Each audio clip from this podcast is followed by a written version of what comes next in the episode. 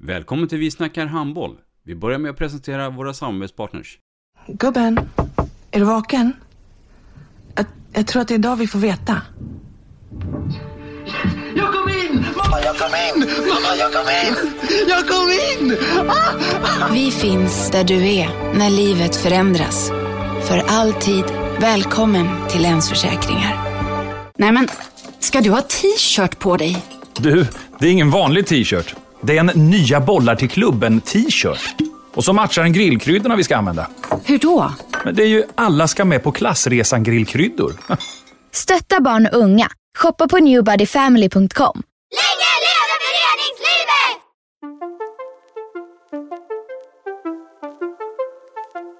Välkommen säger vi till dig som lyssnar till den nya handbollspodden Vi snackar handboll med Robban Z och Matte. Vi snackar handboll, där du får veta alla sanningar som du inte visste att du missat. Vi snackar handboll. Idag i programmet Vi snackar handboll, Matte, så har vi enligt mig i alla fall en doldis på svensk tränarmarknaden. Eller eh, du kanske inte håller med mig? Eh, både ja och nej tycker jag man kan säga på den frågan. Men eh, han kan väl säga så här, han har han är mest eh, liksom jobbat, jobbat i eh, de senaste åren men eh, gör det framgångsrikt och är idag eh, assisterande tränare i, i Sävehofs herrlag bakom Appelgren. Och vi vill önska varmt välkommen till Linus Ekman. Tack så jättemycket. Jaha, Linus Ekman, vem är det? Eh, ja du, det är en eh, 28-årig värmlänning eh, som eh, ja, har väl blivit göteborgare nu kan man säga. Eh, varit här i 12 år nästan så kort sammanfattning. Mm. Ehm, berätta lite grann om, om ehm, dina rötter till eh, idrotten och, eh, eh, och då backar vi tillbaka några år. Jag tänker när du är på väg att hamna i någon form av idrottsskola eller eh, Eh, ja, med familjen hemma. ja, jag bodde ju, eller är från Hammarö utanför Mm. Karlstad. Mm. Eh, det har haft eh, två föräldrar som är väldigt idrottsintresserade. Pappa med handboll och mamma med eh, bandy. Så eh, det var bandy, handboll och eh, fotboll såklart som de flesta spelarna var yngre. Som Mm. eh, fick in mig på idrottens väg om man säger så. Och, och, och, och var det naturligt att det skulle bli handboll eller, eller kunde det bli någon annan sport? Nej, egentligen inte. Till slut blev det handboll och det var rätt, eh, det var naturligt. Det, det visste jag nog redan innan också när jag höll på med de andra sporterna också, men eh, det blev handboll till slut. Det är vi glada för. Ja, Framförallt det- kanske man är i Värmland, då kanske man hade tänkt Baltic och grejer och eh, och eh, handbollen, ja i och för sig, Helton var, fanns ju gott och väl på den tiden också. Var det Helton du spelade? Nej det var i Hammarö va? Ja, IFK Hammarö? IFK Hammarö. Mm. Pappa spelade ju i Helton eh, när de kvalade till Allsvenskan tror jag till och med. Eh, så det var den vägen det blev handboll också sen. Och mamma spelade i Baltic då, eh, och jag också. Så Baltic och IFK Hammarö. Ja, ja, ja. Men Värmland herrhandboll är inte något jättesexigt eh, om vi pratar historiskt. Dock finns det ett undantag, jag, jag kommer till det. Eh, du kanske inte håller med mig då, men, men det är mer poppis och mer framgångsrikt när det gäller damverksamheten i Värmland. Eller? Ja, det tycker jag. Eh, Hur kan det komma sig?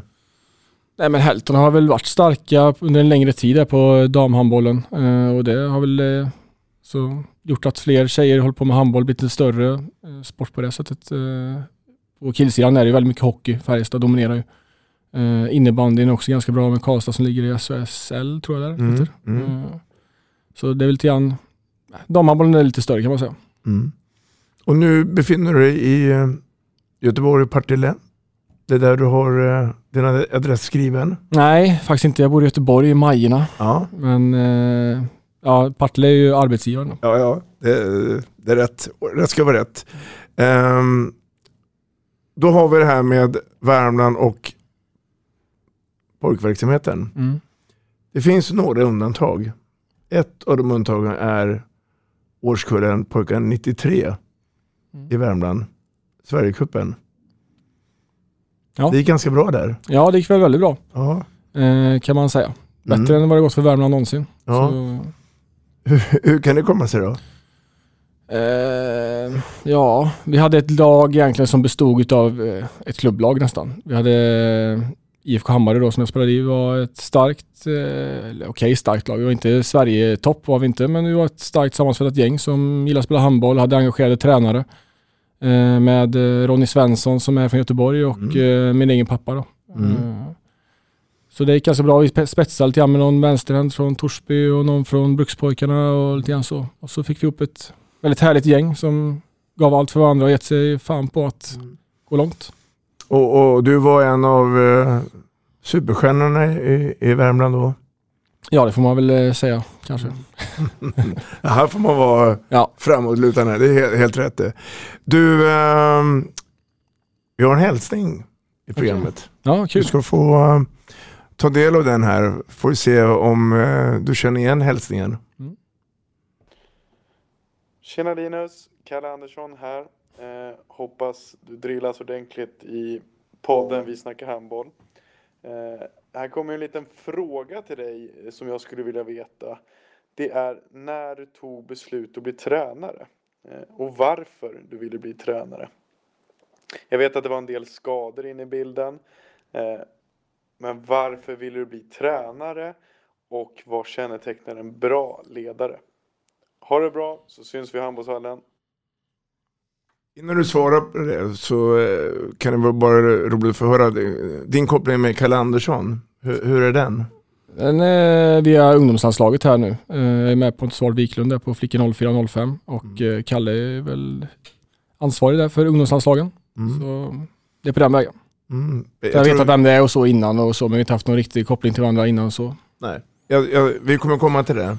Eh, men vi tar eh, Kalles fråga till dig då. För mm. att det var väl så också att du slutade ganska tidigt i din spelarkarriär. På ja. grund av skador. Ja, det var det väl kan man säga. Jag har tre korsbandsskador och sen så har jag ja, bytt ut min axelled i vänsteraxeln. Men eh, jag slutade väl egentligen eh, ja, på grund av skadorna och att jag tyckte att det var väldigt kul att vara tränare. Jag eh, opererade min axel 2016 och då tog jag eh, Sävehofs eh, jag var med i Sävehofs juniorer för pojkar 97-98 tillsammans mm. med Robert eh, Odén, då Ro Johansson, eh, Ulf Bramfors och Claes Engelbrektsson. Mm. Och det var ett väldigt roligt år. Och sen så frågade Sävehof mig ifall jag ville ta eh, huvudansvar istället i A-pojkar.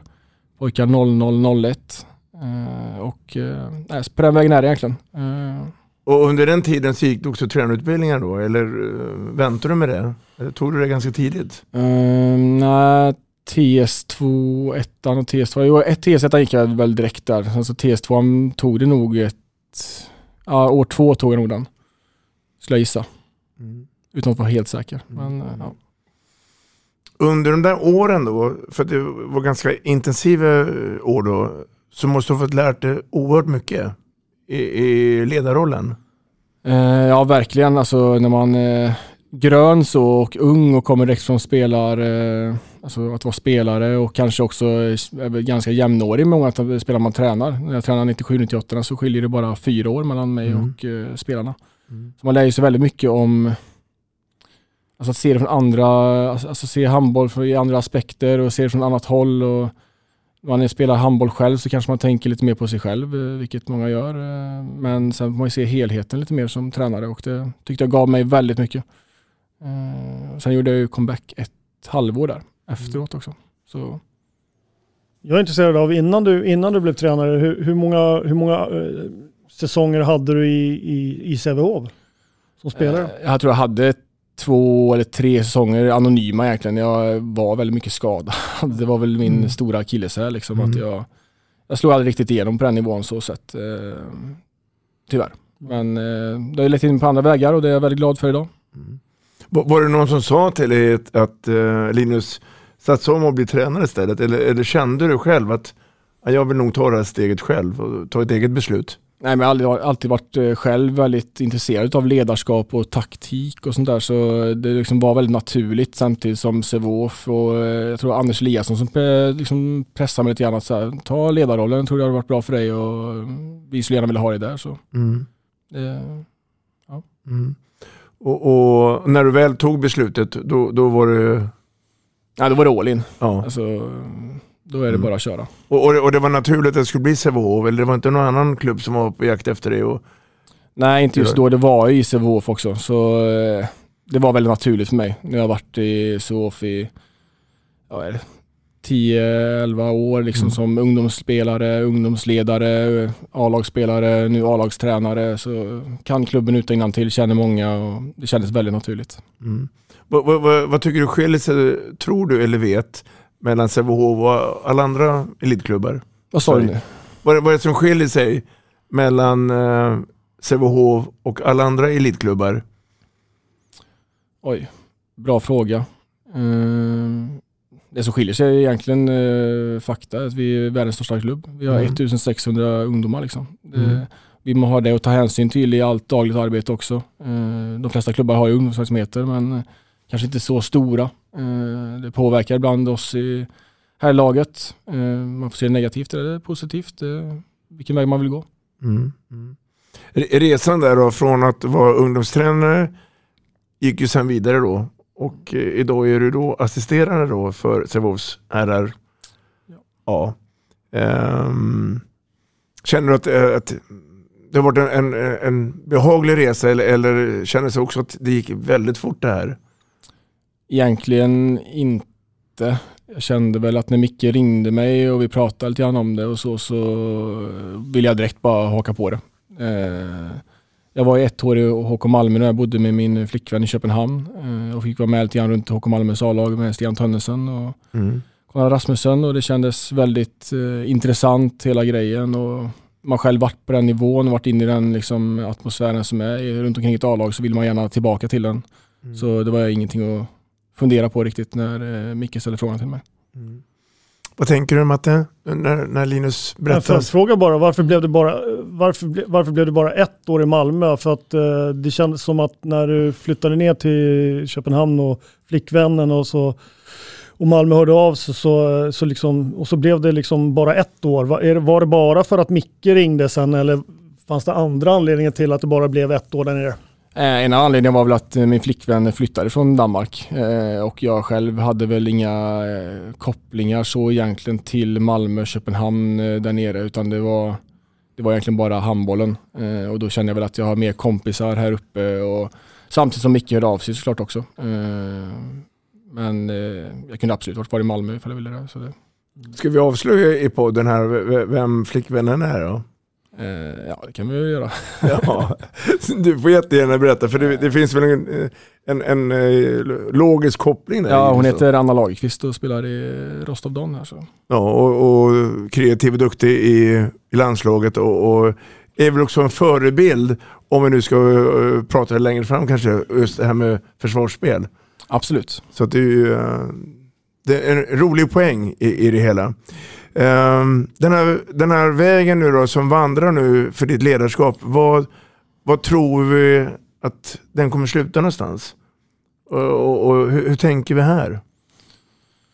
Ja, ehm, vart den kommer sluta vet vi inte. Det får vi se. Mm. Ehm, jag jobbar ehm, varje dag med att bli bättre som både ledare taktiskt eh, och jobbar med gruppen. Och det finns många aspekter man behöver tänka på såklart men eh, jag vill gå så långt som möjligt. Liksom. Det finns inga gränser hoppas jag. Sen vet man ju inte vad som väntar här. Mm. Eh, rollen att vara assisterande då, eh, känner du att den här och nu är passande?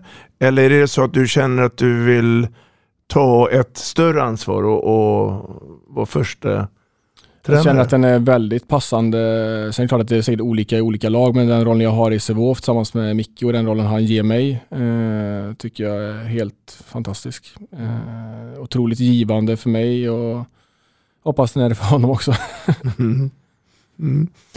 Matte, eh, när, du hör Linus Ekman prata och, eh, och vi kommer utveckla det, men vad, vad, vad, vad ser du från honom i hans ledarskap?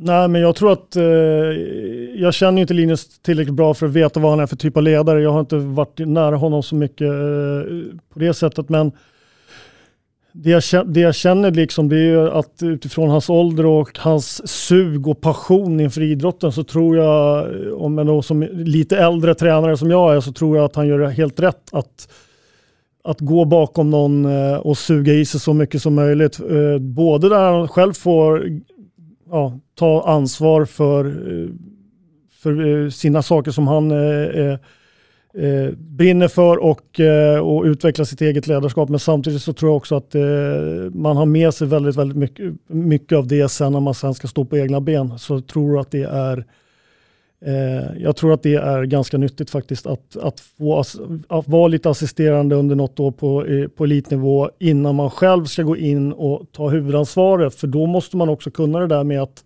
delegera till sin framtida eh, assisterande och, och ha den här eh, samköringen. Eh, så att jag tror att det är väldigt, väldigt lurt och smart gjort av dig. Mm. I det fallet. Men sen jobbar du ju mycket, du jobbar på Partille gymnasium också va? Ja det stämmer. Jag är, väl, eller jag är ansvarig från eh, Sävehofs sida för handbollsbiten där. Mm. Eh, vi har vi uppbyggnad så att vi har en ansvarig från eh, gymnasiets sida som är lärare, Marcus Jigenheim. Sen så är jag ansvarig från Sävehofs sida. Sen har vi ett Mm. gäng instruktörer också. Då. Men, Och ansvar innebär vad då? Berätta. Eh, ja, ansvarig står för planeringen, hur vi jobbar i block med vad vi ska jobba med i vissa perioder.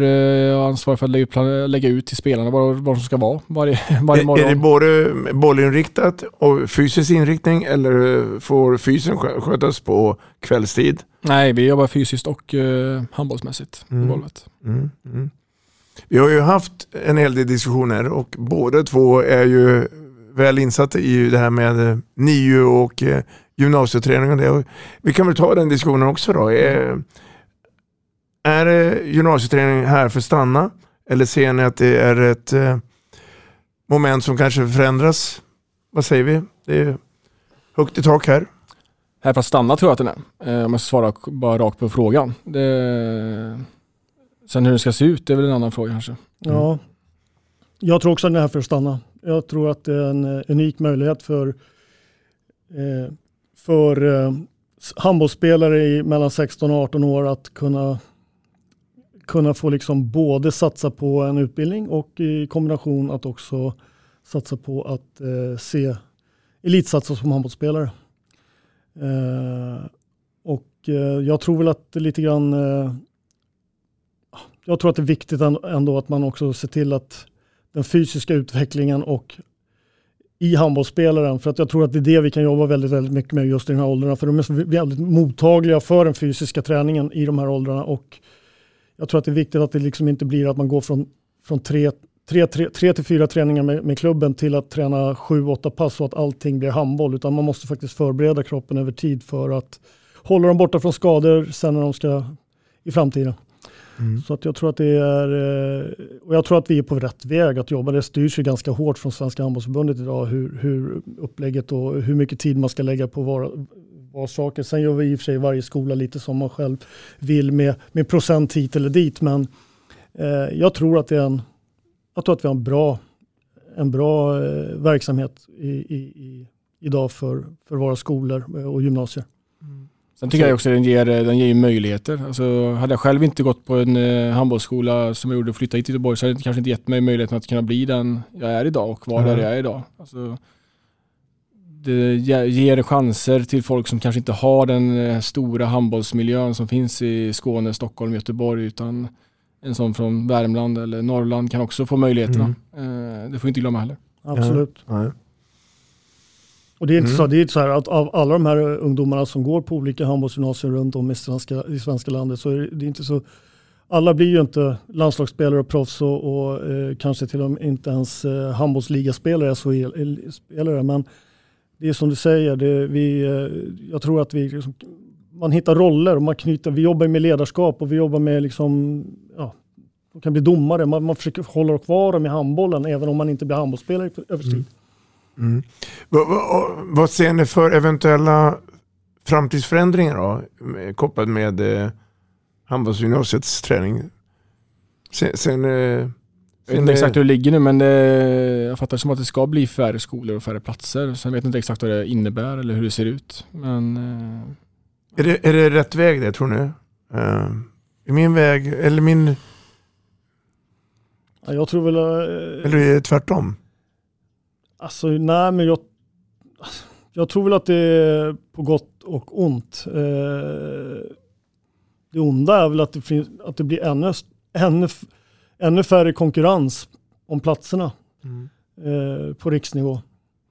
Eh, För att jag tror att det är väldigt, jag tror att det är väldigt svårt att till 100 procent eh, kunna peka ut när, när eh, adepterna är 15-16 år vill, till 100 procent att du kommer bli bra, du kommer bli bra, du kommer bli bra. Och är det så att hälften av platserna över tid ska försvinna så, så finns ju risken att man gör fel, eh, risken blir större att man gör fe, eh, fler felrekryteringar eh, i framtiden. Mm. Så att ju fler som får möjlighet till att, att gå den här utbildningen, ju större chans är det att man träffar mer rätt. Jag håller med. Mm. Det finns nog gott och ont med både, alltså, det. det är jag övertygad om. Sen exakt vad det, exakt vad det, vad det innebär och hur det kommer se ut, det vet jag inte, men eh, helt enig här. Mm. Mm. Vi var inne på Kalle Andersson tidigare. Mm. Eh, och eh, han jobbar ju då med eh, bland annat då eh, ungdomsutveckling och spelutveckling och spelutbildningar. Ska vi ta den diskussionen också? För det har jag förstått brinner lite grann för dig, det här med spelutbildningen då. Känner du att svensk handbollsmodell är passande nu? Eller vill du se några förändringar i hur, hur vi ska fostra de här spelarna? Jag tänker på gymnasiet, men även också nu när du jobbar också med U-landslag. Du tänker på riksläger och hur det är uppbyggt. Rätt. Ehm, ja, alltså jag vet inte hur det skulle se ut annars. Jag har inte tänkt så mycket på det så, men eh, i dagsläget så tycker jag väl ändå att det finns logik i det och det finns en struktur runt omkring det som är viktig. Eh, samtidigt som man eh, skulle vilja arbeta mer med individerna. Sen kanske det handlar om ekonomiska frågor också klart, alltså att kunna lägga pengar på spelarutbildning för eh, de yngre. Men eh, jag tycker vi har ett hållbart system just nu, men det är klart att det finns utvecklingspotential att kunna göra det ännu bättre på många plan och frågan är lite grann hur mycket man vill lägga i det. Vad tänker du Matte? Nej, men jag håller med. Jag tycker att eh, s- organisationen och systemet som finns idag är väl fungerande eh, utifrån de förutsättningarna som, som, som vi ges. Mm. Eh, och de ramarna som, och den ekonomi som, som förbund och eh, kommuner och klubbar eh, har så tror jag att eh, det är inget fel alls på systemet. Det är ett ganska effektivt system utifrån hur, de förutsättningar som idag råder. Mm, mm, mm.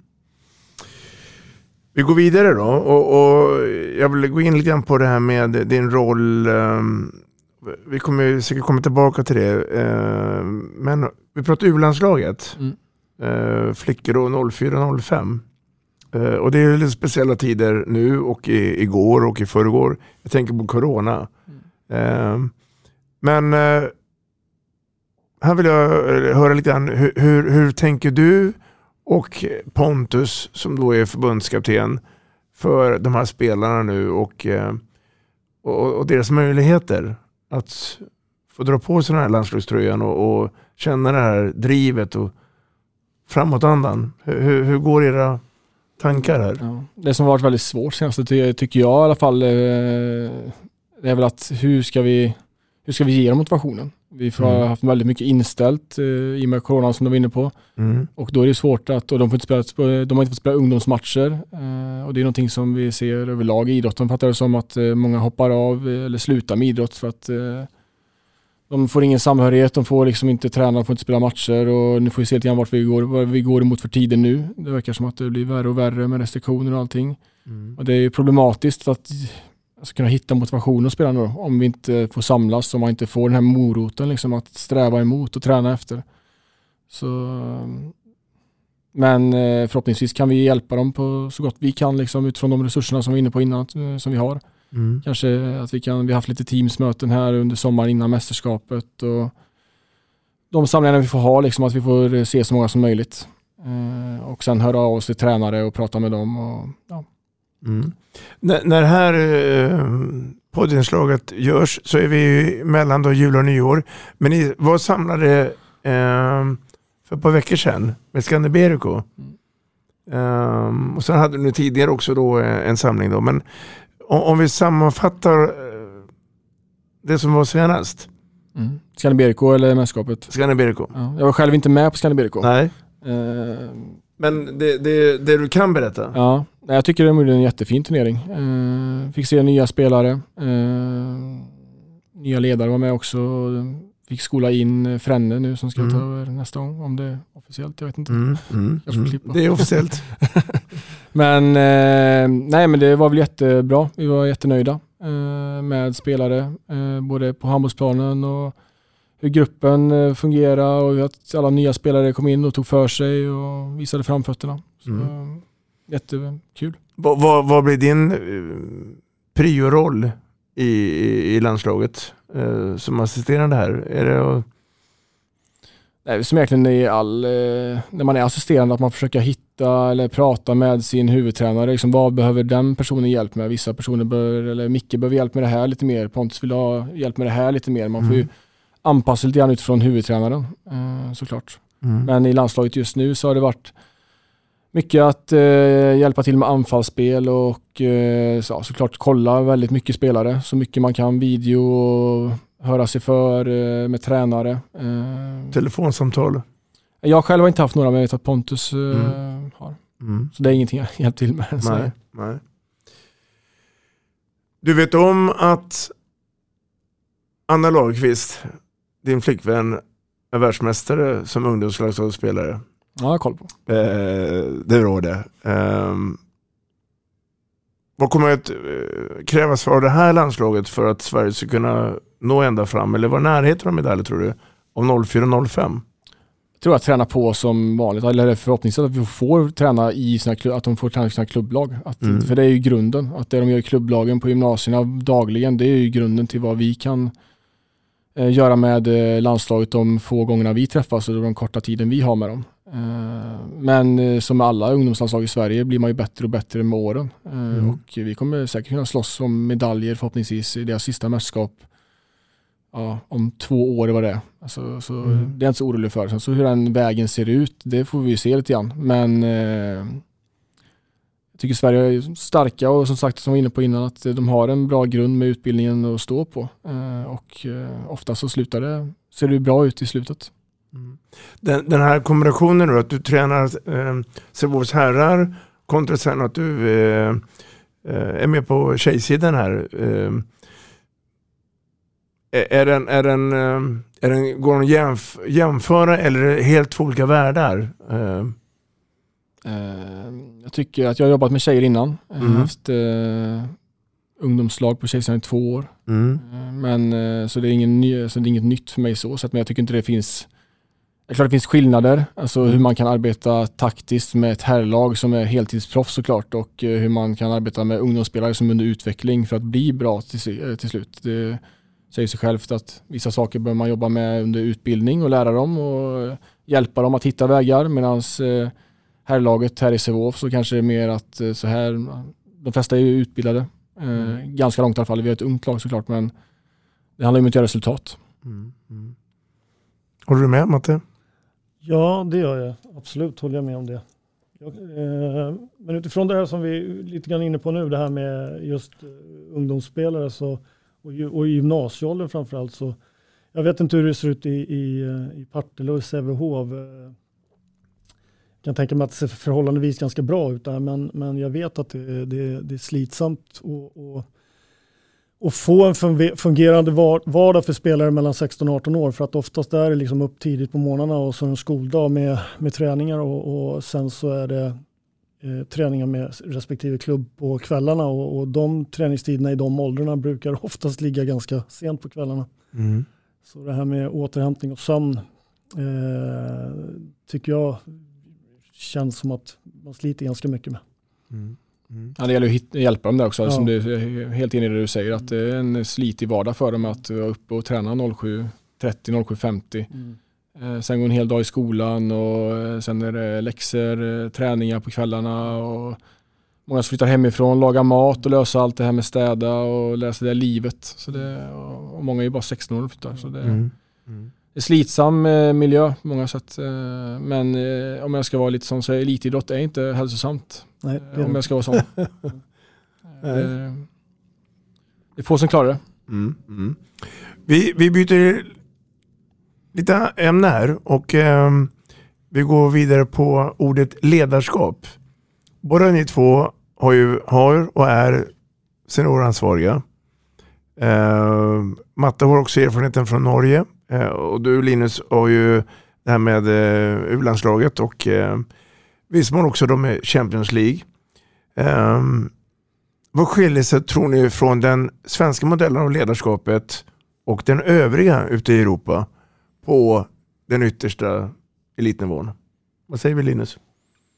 Eh, ja, eller så som jag känner det och det man mött på i år tycker jag att i Europa, att man märker ju att jag tror att vi är väldigt mycket mer inkluderande i Sverige och vi pratar med spelarna, låter dem vara med och bestämma om hur vi vill göra och vad taktiska detaljer. Eh, känslan är att eh, övriga är ett brett ord, eh, men eh, det finns ju känne, alltså kännetecknande saker tycker jag när vi möter de här Balkanlagen med, vi möter ju Nexe och eh, Gorenje Velenje nu. Det är Mm. väldigt, eh, ledaren bestämmer, Mm. punkt och eh, så är det. Där tror jag vi skiljer oss väldigt mycket åt. I alla fall jag själv, jag kan prata, prata, prata Mm, för mig mm, och hur mm. vi jobbar men eh, det är någonting som jag tror skiljer mycket. Mm. Ja, men jag är inne på samma spår, men jag tror inte bara att det är Sverige, utan jag tror att det är ganska mycket de skandinaviska länderna som har mer demokrati och, och medbestämmande och, och, och sådana saker. Eh, Men eh, det som verkar gott nu det är ju faktiskt att det börjar komma Eh, lite mer eh, ledare från, från Skandinavien och från Spanien in i andra delar av Europa, i, i, eh, som Per till exempel i Ryssland nu och det finns ju en anledning till det. Och, eh, och det finns andra tränare som är i de här länderna som, som kanske har jobbat mer med eh, ja, tränarbestämmande som, som ändrar, ändrar väg nu till eh, en mer human ledarstil om man ska Mm. kalla det så. Jag tror också det måste vara tuffare om jag skulle som jag tror om du ska ta det steget att vara på den absoluta högsta nivån, då tror jag du måste vara hårdare också. Det, det har att göra med mer proffs och de ser till sitt eget bästa. Då måste Mm. du vara jävligt hård mot dem ibland. Eh, Då kan du inte vara lika inkluderande. Så det gäller att anpassa sig själv Mm. också och sitt ledarskap lite grann utifrån vart man är tror jag också. Ja, men det stämmer. Vi, vi har ju pratat en hel del eh, i olika avsnitt här om att, att eh, svensk handboll exporterar eh, spelare både på dam och herrsidan. Um, på gott och ont. Um, och uh, ni är ju ute för ungefär samma tema då, att det är helt okej att man, man går utanför gränsen och provar. Men, men för att göra svensk handboll ännu bättre, är det inte, är det inte bättre då att försöka då få förutsättningar att stanna kvar här? Både när det gäller spelare och uh, ledare. Jag tror att förutsättningarna kommer vi aldrig få jämt emot de andra länderna. För Så- det stavas pengar. Ja, Eller? ja framförallt det. Mm. Eh, Men även de sportsliga. Om man ser på vart Champions League är på väg med att eh, Sverige kommer, alltså herrsidan, eh, svårt att få en plats i Champions League som ett herrlag nu Mm. från Sverige. Mm. Damsidan kan vi få det eh, för att se vad för resultat över tid. Mm. Eh, på herrsidan har vi inte gjort det på länge nu. Och att andra klubbar med större ekonomiska muskler eh, värvar Mm. mer etablerade spelare och gör sig ett namn av sig i Europa. Och jag tror det är svårt på den eh, punkten att ha dem längre tyvärr. Eh, jag hade gärna haft det, men Mm. det är svårt att behålla spelare när de får dubbla, trippla löner utomlands. Mm. Ja, sportsligt tror jag också så här, ska det bli bäst så måste du möta de bästa. Om de bästa inte är i Sverige, ja, men då måste man ju ut, om man ska konkurrera med de bästa i, på klubbnivå då tänker jag först och främst, eh, så måste du ut i, i, eh, och spela på andra ställen ute i Europa. Och det i sin tur gagnar ju också sen vårt landslag eh, som kommer bättre förberedda i, i, i konkurrensen när, när de ska spela i landslagen.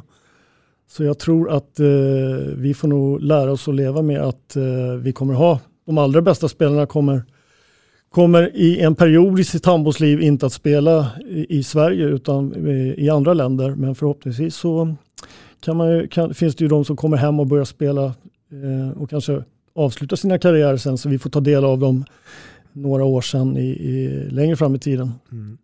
Är, det det, är, det, är det det vi håller på att se också nu då, när det gäller landslaget? Både damerna hade ju framgångsrikt nu senast i, i, eh, eh, i Spanien och VM och herrarna har ju sett nu i, i januari månad att, att det här frukten kommer nu. Att, eh, att de är ute och spelar i sina ligor och så kommer de hem och spelar i landslaget. Ja, dels det. Sen tror jag också många har gjort väldigt bra val i sina alltså, val att gå till rätt klubbar. Där de får mycket speltid framförallt. Mm. Jag tänkte precis komma in på det. Så här, när, frågan kanske inte är hur länge, ifall vi kan behålla dem. Frågan är kanske när de ska lämna. Mm. Eh, jag själv skulle gärna se och vi ser gärna att våra spelare lämnar när de är så pass bra att de dominerar i Sverige. Mm. John Tedvarsson är ett jättebra exempel på det eh, inför den här säsongen.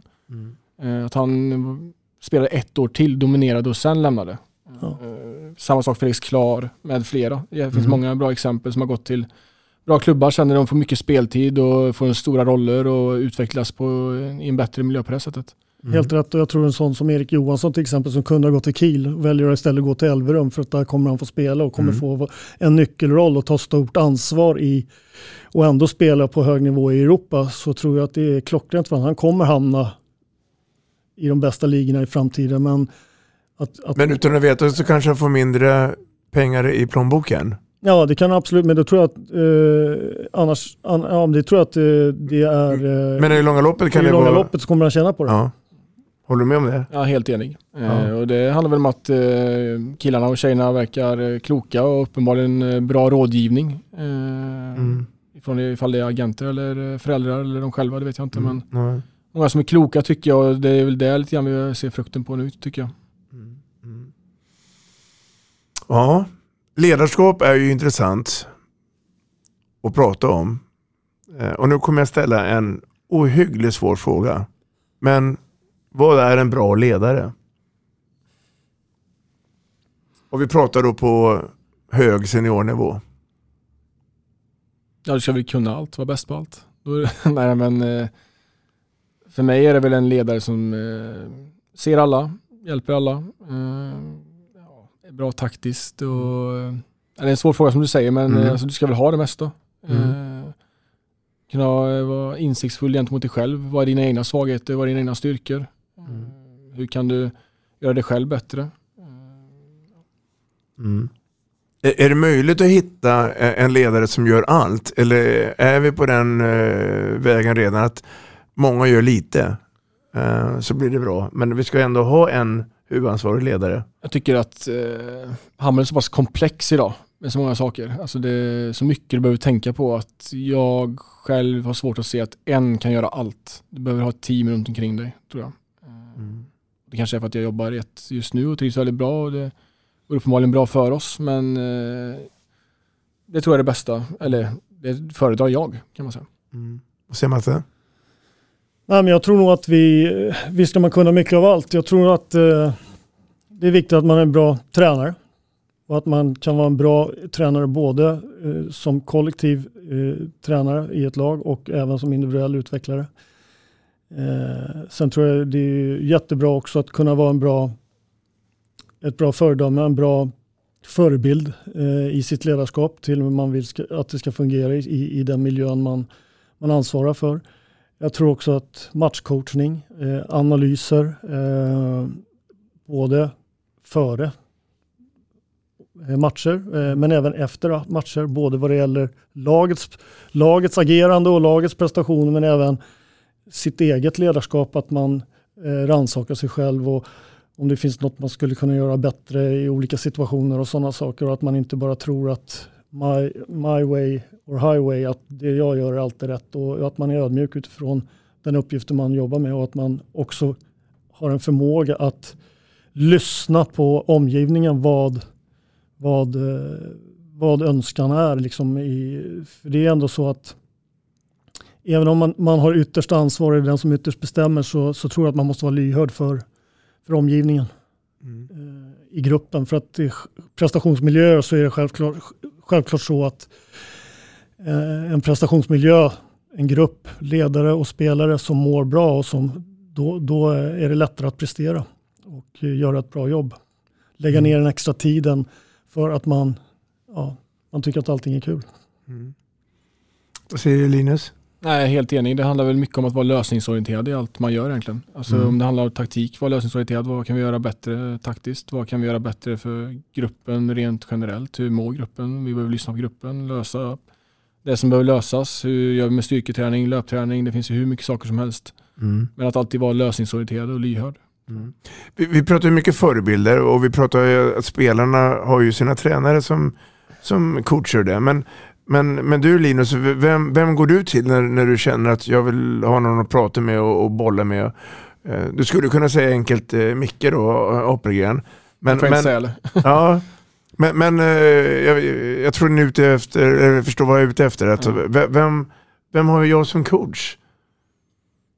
Ja, nej, det- enkla svaret som du var inne på det är ju mycket. Vi sitter ju på ett kontor tillsammans i ett sånt här rum som vi sitter idag Ja. eh, tio timmar om dagen. Så det är Mm. klart att vi pratar ju sjukt mycket. Mm. Men eh, det är klart att man har väl fått kontakter längs vägen. Jag pratar med Stian Tönnesen Mm. mm. titt som tätt. eh, Eller typ att du kan ringa till eh, Pontus? Ja, Pontus. Eh, sen ens föräldrar är alltid bra. Mm. Tycker jag själv i alla fall. Mm. Prata med. Om Mm. större saker, kanske inte handbollsmässigt ibland utan det handlar om andra saker kanske. Mm. Men att eh, prata med olika personer och få olika perspektiv och sen skaffa sin egen bild tror jag är viktigt. Utav hur det ser ut. Mm. Mental coaching ja. är ju ett eh, intressant eh, forum och eh, du sitter här med två stycken aktiva tränare. V- Alltså, hur, hur, hur löser man den situationen då? När det börjar bli gå lite eh, trångt i spelet. Nej, men vi behöver inte prata spel, vi kan ju prata överhuvudtaget. Det det handlar om lite grann tycker jag som är mental coaching och, och det är att olika, olika individer har olika behov av mental coaching och en, en, olika eh, individer har olika, ska man säga, eh, behöver olika slags, slags eh, coaching. Men Mm. den som, som jag tycker absolut oftast eh, gäller att, åtminstone vad det gäller yngre spelare, eh, om man nu tittar på gymnasienivå och sådär, så är det ju att det är för många spelare i, i, i, i träningsmiljöer som kommer ihåg alla misstag de gör och eh, egentligen glömmer eh, alla bra saker de gör. Att man, kritis- man är jäkligt hård mot sig själv i sin egen kritik och om man alltid går i sitt huvud och bannar ner på sig själv, liksom att åh, åh vilket dåligt skott, åh vad dåligt. Men allting fram till det där skottet kan varit helt klockrent gjort. Finten eller genombrottet eller vad det nu är för någonting och så är det bara den där lilla pricken över i och det är det som blir kvittot för den här spelaren och så börjar man gnada på sig själv i sitt huvud. Så att jag tror att eh, där känner jag i alla fall på gymnasienivå att man måste liksom man måste, man måste jobba mer om att de, att de blir bättre på att pusha sig själva och, och liksom få dem att alltid försöka göra sitt bästa. Men om man gör sitt bästa hela tiden så måste man också ge sig rätten till att kunna få göra fel ibland. För att, eh, och det känner jag är en sak som, som, som, som jag tänker på att jobba mycket med. Nej, jag skulle jättegärna vilja ha in mentala tränare som inte har någonting med handboll att göra i yngre åldrar. Vi jobbar med det i herrlaget nu och jag tycker det är väldigt bra. Eh, både jag, för mig själv som tränare att få jobba med det och prata Mm. om saker och ting, men även för spelarna. Jag tror det är jättenyttigt för att komma ner i ännu yngre åldrar med det. Men eh, jag har varit inne innan i det här samtalet att det handlar om ekonomiska frågor också. Mm. Handbollen har inte de musklerna riktigt än som fotboll och hockey kanske har. Mm. Mm. Om vi kikar framåt Linus så har jag förstått nu under det här samtalet att du är ju en eh, nyfiken, drivande och en aktiv ledare. Ehm, om vi nu tittar nu framåt här nu då, om sådär 5-10 år. Vad har vi då Linus någonstans då tror du? Ja, vart jag hoppas att vara, det kanske det jag ska svara på. Ehm, Men Ja. jag hoppas för att jag är, jag skulle vilja vara utomlands, testa på det. Mm. Ehm, Sen ifall det är en huvudtränarroll, assisterande roll, det får vi se då. Alltså, det steget tar jag när jag känner mig mogen att ta det. Mm. Men eh, även eh, alltså, landslag på något sätt, kanske inte huvudtränare men det har varit jätteroligt också. Men eh, det är drömmar. Mm. Eh, Det har man rätt att ha här. Ja, det är väl, det är väl härligt att ha det. Annars så Mm. är det svårt att motivera sig själv. Mm. Mm. Och, och, och Matte, du har ju varit ute en sväng. Jag tänker på åren i Norge. Eh, och komma tillbaka sen då, då. Och förmodligen har du med en massa saker då från den tiden.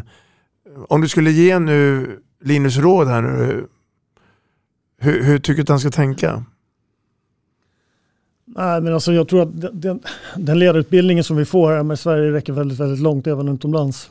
Eh, och jag tycker att det är viktigt att tänka på så att inte tappa sig själv i sitt ledarskap. Att inte att liksom lita på sig själv och sina e-, egna eh, värderingar och, och, och ramar och spelfilosofier och sådana saker. Och, och, och framförallt i de perioderna där, där kanske resultaten eh, där resultaten lite grann i någon period blir knackigare och knackigare. Att man börjar, man börjar lyssna för mycket på sin omgivning och, och ska börja anamma det i sitt eget läge. Då blir man ju någon annans ledare. Mm. Så jag tror att det är viktigt att man liksom har en tydlighet och, och en, en, en, tydlighet till sig själv också. En ärlighet till sig själv vad man står för i sitt ledarskap. Och, och visst, man ska lyssna på sin omgivning men man ska inte bli någon annans ledare. Man ska inte bli ordförandens eller klubbdirektörens ledare. Liksom. Uh, sen, sen har man alltid ja, olika i olika länder men olika ramar som man, vissa saker kan man inte bestämma för, eh, över som i vissa länder kanske man inte och i vissa klubbar kanske man inte ens får, får bestämma vilka spelare man ska värva till sin klubb utan det är någon annan som bestämmer och så får man ta emot det som kommer som tränare. Liksom. Och, Eh, men jag tror ändå att liksom grunden att, ligga, att, att lita på sitt eget ledarskap och, och, och vara trogen sig själv i, i, i det man tror på. Det tror jag är ett, ett gott råd. Men eh, för mig så var det ju så när till Norge, det var ju första gången jag fick möjligheten att eh, på heltid vara heltidsanställd handbollstränare. Och det var ju ja, det var ett jäkla äventyr och det var, lärde mig väldigt, väldigt mycket och var väldigt, väldigt spännande. Väldigt roligt. Du kanske får ha uh, Matte som din uh, rådgivare då? Ja, så kan det bli. du, um, alldeles strax om några dagar så går vi in i 2022 och vi går in i ett uh, mästerskap på här sidan. Uh, Sverige ska ju då spela EM. Ungern och Slovakien kom ju två år senast på VM. Um, ehm, vad är dina förhoppningar och tro om, om Sveriges EM-vara här nu då som kommer? Jag får hoppas att de fortsätter ta steg. Det är ett väldigt intressant lag och vi har en jäkla bredd just nu på herrsidan som man märker om man tittar på landslaget och vilka som inte är med i landslaget. Mm. Det finns otroligt mycket bra spelare där ute. Mm. Eh, men jag hoppas att de fortsätter på den inslagna vägen. Att mm. fortsätta ta kliv, fortsätta våga och spela bra handboll. Det har de gjort eh, väldigt bra nu så det, jag tror på dem. Är, vi överens om att Sverige kommer att göra ett bättre mästerskap här än man gjorde ett OS i, i somras på grund av att många var då kanske slitna? Och nu är vi inne mitt i en säsong. Jag, jag tror väl att eh, i herrhandbollen är konkurrensen på toppen jäkligt knivskarp. Så man, eh, Sverige skulle kunna slåss om en semifinal, kanske till och med en finalplats, men man kan också lika gärna utifrån den tuffa konkurrensen, eh, konkurrensen och lite lottning i slutspel och sånt där också eh, kanske stöta på patruller i en kvartsfinal. Men, men eh, jag är rätt övertygad om att Sverige kommer göra ett bra mästerskap. Sen behöver inte det innebära att man, eh, att man vinner. Mm. Vad säger Linus? Nej, helt enig. Alltså på den yttersta nivån så handlar det bara om väldigt små saker som antingen eh, gör att du går och vinner allting eller kanske åker ut i en kvartsfinal. Små marginaler. Mm. alla lag i världseliten är ju landslag och de bästa spelarna spelar i landslagen. Så mm. Det ser man väl även i, om man drar parallellen till handbollsligan eller Champions League. Det är tajt liksom. Det, lagen är väldigt jämna. Det är små saker som avgör i slutändan. Mm. Vad har ni för favoriter då? Om inte nu Sverige skulle ta det här EM-guldet. Vilka kommer nypa det? Eh, jag tycker väl att eh, spanjorerna tycker jag är bra. Mm. Det kanske de saknar några men eh, de kommer vara bra. Det mm. om. Eh, Frankrike, Sverige, Danmark tror jag kanske är de största favoriterna och det ska de väl vara också. Otroligt mm. lag de har. Mm. Ja, har Norge satt sin framtidsresa? Som vi är inne på, det handlar om små marginaler. Mm. Nu har väl de lite skador, vilket kanske gör att marginalerna inte är på deras sida. Mm. Vilket gör att jag kanske inte tror på dem lika mycket som jag tror på andra landslag. Mm. Vad säger du Matte? Jag tror, eh, ja, det kommer här sändas efter EM så att jag får väl säga att jag tittar i spåkulan och säger Danmark då. Mm. Det är en nation som ni inte nämner nu som jag går och, och funderar på. Men jag tror att jag har svaret och det beror på att deras liga är det så mycket utländska spelare som spelar i landet. Och jag tänker på Tyskland. För Tyskland borde ju förr eller senare få polletten att ramla ner. Men de har inte rosat marknaden. Ja, de vann väl ett hemmamästerskap för några år sedan här. Ja. Men eh, sen dess har det väl varit lite sämre. Det är tunt. Ja, men ja, återigen, det är små marginaler på toppen. Eh, läste jag faktiskt innan jag kom in här i studion att eh, vilka de hade borta. Eh, de har väldigt många spelare skadade som har varit med innan. Mm. Eh, innebär inte att det behöver gå dåligt. De har väl hur mycket spelare som helst. Tyskland som är duktiga i Bundesliga. Så det kanske kommer nya stjärnskott i landslaget. Men eh, jag nämner dem inte där uppe. Ja. De gjorde väl en liten form av föryngring till förra mästerskapet också. Eh, Mm. Där de, några av de här gamla trotjänarna tackar för sig. Man, börjar, man kanske gick ner två hack i ålder på, på dem att liksom starta med något nytt med några som kommer vara med över tid. Eh, Så att de kan säkert överraska, men jag tror eh, som Linus är inne, inne på att de är inte jag tror inte att de håller över tid i en, i en turnering med ma- matcher varannan, varannan dag och, och, och sådana saker. Den som lever får se. Du Matte, ska vi eh, lämna över guldmedaljen till eh, Linus och eh, Sävehof och kora dem redan här och nu svenska mästare 21-22? Eller eh, vad tror vi? Nej, Linus ska få se vad han tror. Jag är grymt imponerad av det jobbet som eh, Micke och Linus gör och, och grabbarna gör också. Jag tycker att eh, Sävehof de senaste säsongerna faktiskt har gått från klarhet till klarhet. Och jag tycker också att de, de är de är bäst på att tro på sig själva eh, och veta sin kapacitet. De är bäst på att också vara ödmjuka inför uppgiften att inte liksom ta ut någonting för givet och, och falla på fallgropar. Så att jag tror att de får ta på sig favorit, eh, favoritskapet, men jag hoppas att det finns utmanare som kommer verkligen eh, att utmana dem in på, ända in på mållinjen. Vilka är utmanarna Linus tror du? Nej, det finns många klubbar. Kristianstad, eh, Ystad, Malmö, Alingsås, eh, Skövde. Alltså, vi kan nämna flera stycken. Lugi. Mm. Eh, Ska det spelas om det? Ja, det ska verkligen spelas om det. Mm. Men eh, om vi får favoritskapet så eh, vi tar gärna på oss det. Mm. Vi vill ha favoritskapet. Vi är Sävehof. Vi vill vara uppe och slåss om det varje år. Om det innebär att vi är favoriter så då har vi gjort någonting bra. Mm. Eh, sen gäller det att vara ödmjuka som du var inne på och eh, ta varje match för vad den är. Eh, lägga ner tiden, arbetet, göra analyserna. Eh, så eh, får vi se vart det landar till slut. Men eh, räcker vi inte till så räcker vi inte till. Då är det något lag som är bättre än oss och så är det. Mm. Mm. Tiden är ute, Linus. Det har varit en stor ära att få ha det här i Vi snackar handboll. Tack för allt du har gett oss. Tack själva. Ja, jag tackar också. Tack så mycket Linus. Vi snackar handboll, där du får veta alla sanningar som du inte visste att du missat. Vi snackar handboll. Vi snackar handboll produceras av produktionsbolaget High On Experience, från vision till passion. Ett avslutande tack till våra samarbetspartners. Hallå! Kommer ni eller? Ja, ja. Har du sett mina ankelsockar? De här? Nej, nej, jag menar skridskoslip till juniorlaget Ankelsockarna. Ja, men kolla bredvid träningsläger med handbollstjejerna-t-shirtarna. Stötta barn och unga.